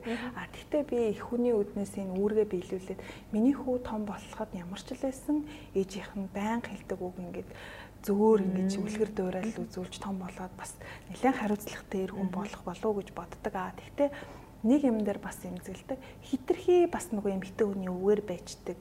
Хитрхи нөгөө тим эр хүн бас бити болоосоо гэдэг утгаараа бас заримдаа өөрийнхөө зоригтойгоор юмнуудыг хийлгдэг. А охтуудаа би бол илүү нээлттэй, илүү хайрлж одоо хүүхд танаас төрдөг мөрдгийг бол таны охтууд мэдчихсэн үү? Нөгөө манай охтууд бол ер нь бараг надаас илүү мэдлэгтэй. Хаанаас авсан байна тэр мэдээллийг гэдэг. Тэгээд ер нь өөрсдөө нөгөө гадаад хэлний мэдлэг айгүй өндөр. Тэгээ тэгээ найз нөхдөйгөө хүрээл бүх юмнасаа мэдээлэл авцсан байдаг. А би бас өөрөө нөгөө мэдээллийг бас айгүй чөлөөтэй өгдөг.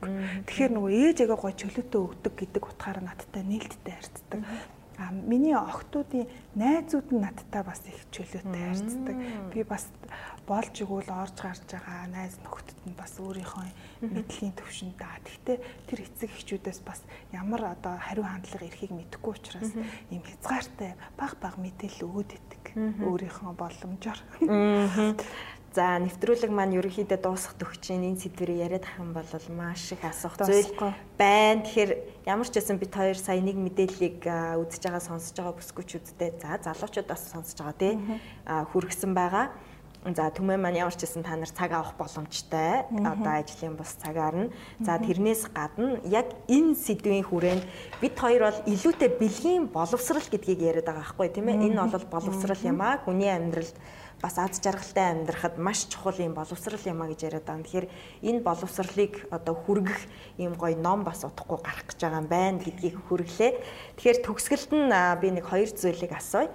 Түмэгээс за нэгтгэх нь за яг одоо за хоёул бүр тодорхой асууя л да. Жишээ нь хоёр ойрхон төрчихсөн Тэ хоёр ойрхон төрчихсөн. Үнэхээр одоо юун тэр дотн харилцаа, юун нөхрийн халамж мантай тэ одоо хүүхдүүдтэйгээ түүртэд явж байгаа бүсгүй байлаа гэж бодъё тий. Ингээл хөхөөлээл, баалгаал, шийлгээл, хоолоо хийгээл ингээл өдөр өнгөрдөг.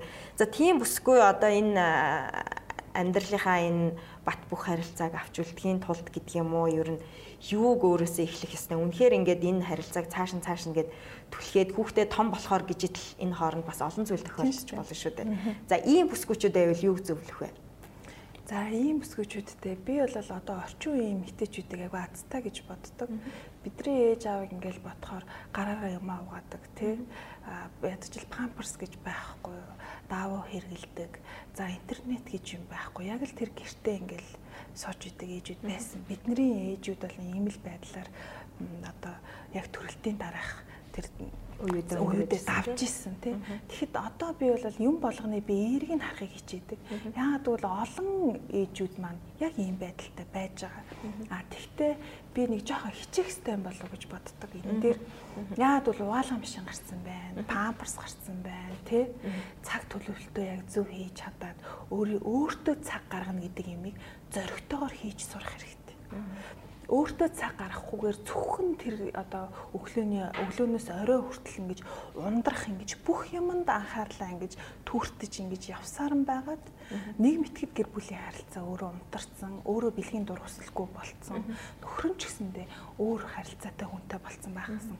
Одоо ийм жишээ олон байна тийм нэгэн тунтарсан тэр хүслийг ер нь яаж буцаад сэргэх хэвээр юм бэ? Амьдралаа аврая гэвэл Энэ чинь цаг хугацааны асуудал шүү дээ. Энэ чинь төрн төрсний дараа эмэгтэй хүн угаасаа нөгөө беби синдромд орно тий. Энийг ингээд бүр насан туршдаа ингээд үргэлжлэх юм шиг эмэгтэйчүүд бодоод байдаг. Тэгэхээр харах үнцгөө өөрчлөх хэрэгтэй. Энэ бол 6 сар үргэлжлэх нь бол бүр тодорхой асуудал. Ирчүүд маань хэрвээ бэлгийн боловсралтай бол миний ихнэр яг ийм үедээ байгаа шүү гэж мэдээд илүү их халамжлах, илүү их үгийг сонсох, за эмэгтэй хүн ярих одоо бүр өдөрт хэдэн үгний юутай байдаг гэдэг тий.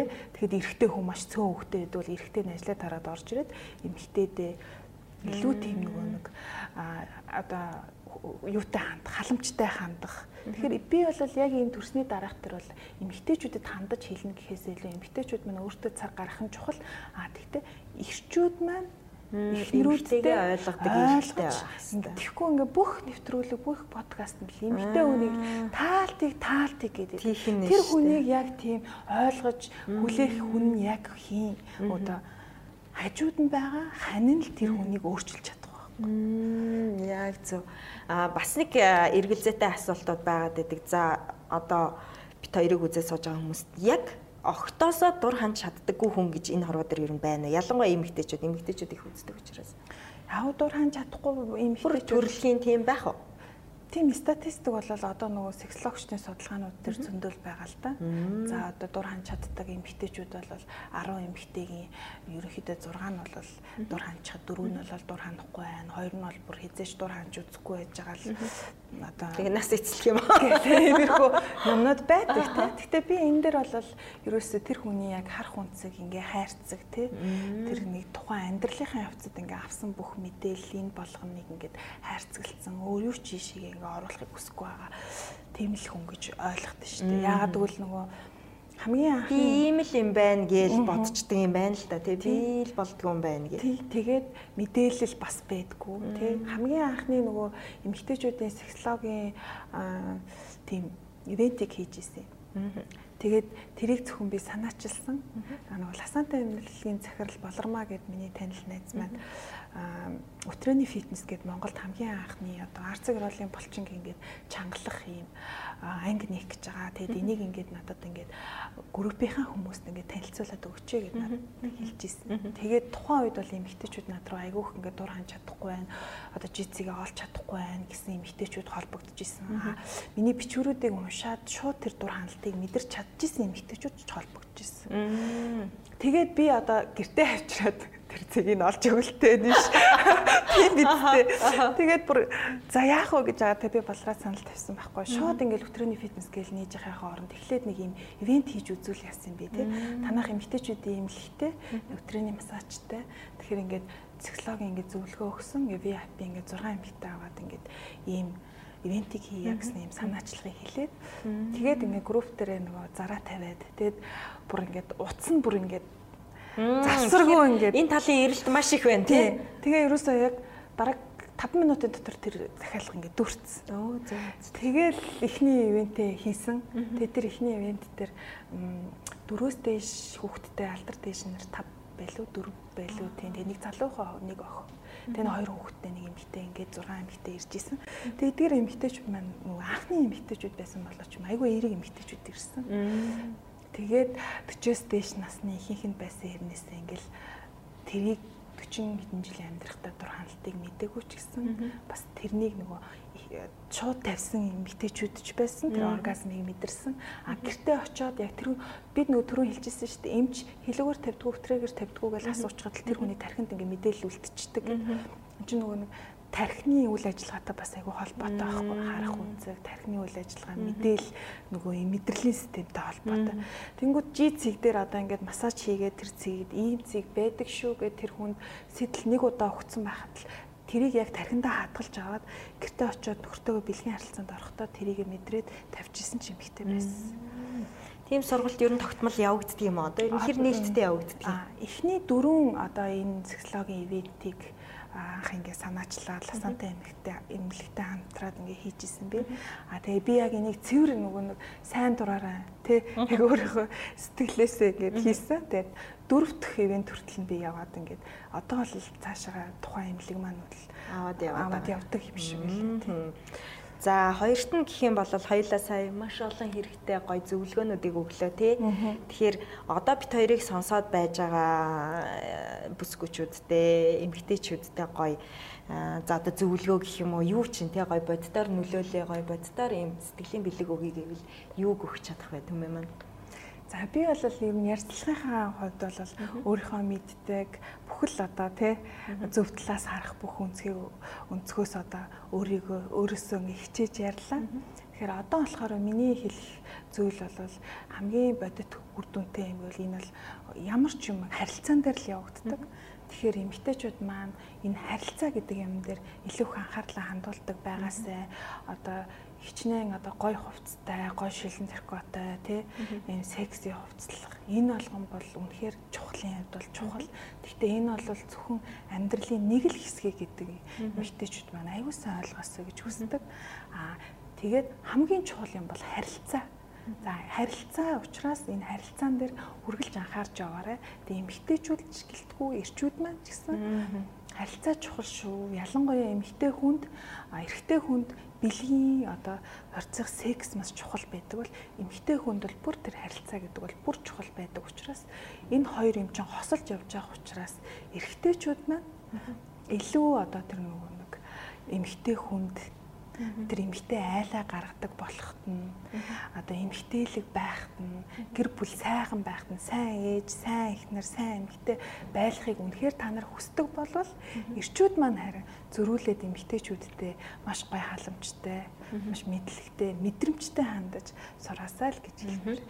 Тэгээд түмэгийн төрөний нөгөө танилцуулган дээр бас нэг зүйлийг хэлхээ мартчихж Angel Baby гэдэг маш хөрхөн ийм үлгийний комнодыг хийдэг. За тэр Angel Baby-гийн а одоо захирал эмэгтэй байсан байлээ. Бас нэрээ төрөө хэлхээ мартчих. Тэгээд манай подкаст өөрөө одоо өмнөх дугааруудыг үзээд түмээ айгу хөрхө өөрөө аваад ирсэн байсан. Ерөнхийдөө нөгөө төгсгөлт нь та өөрийнхөө зүгээс эмэгтэйчүүдэд ямар нэг боддоор одоо нөлөөлөх боломж байна сургалт явуулдаг бол магадгүй сургалтандаа нэг удаа хамруулаач те ном бичдэг бол номоо өгөөч гэдэг юм уу.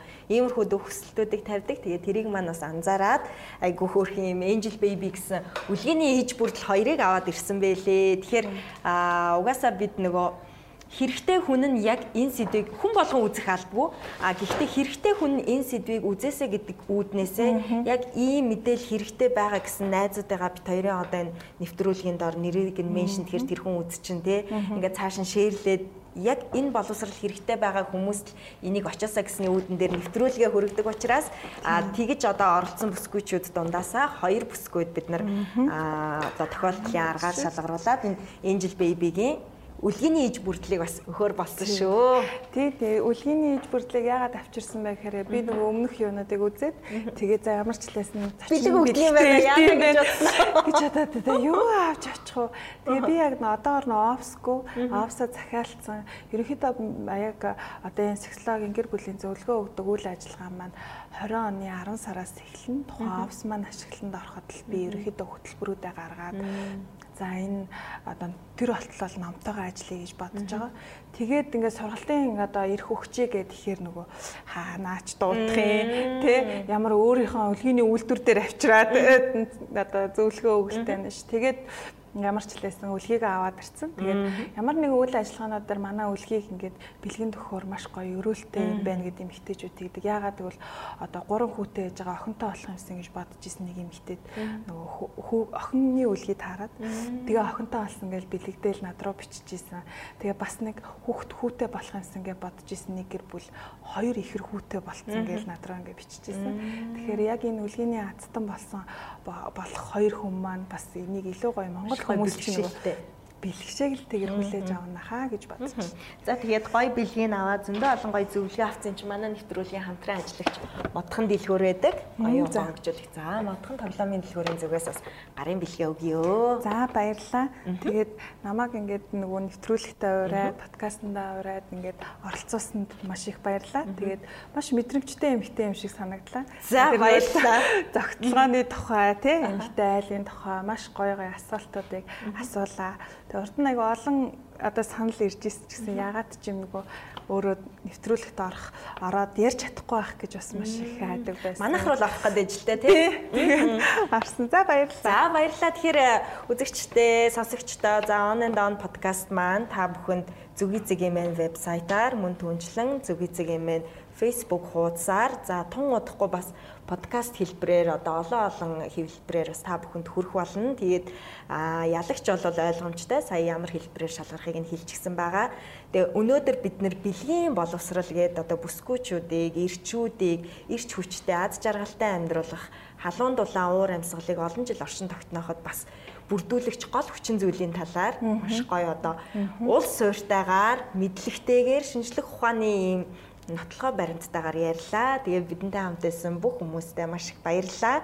Дараагийн дугаараар иргэ уулзъя баяртай. Баяртай. За баярлалаа. Стах баярлалаа. Нэвтрүүлгийг дэмжигч модхон дэлгүүр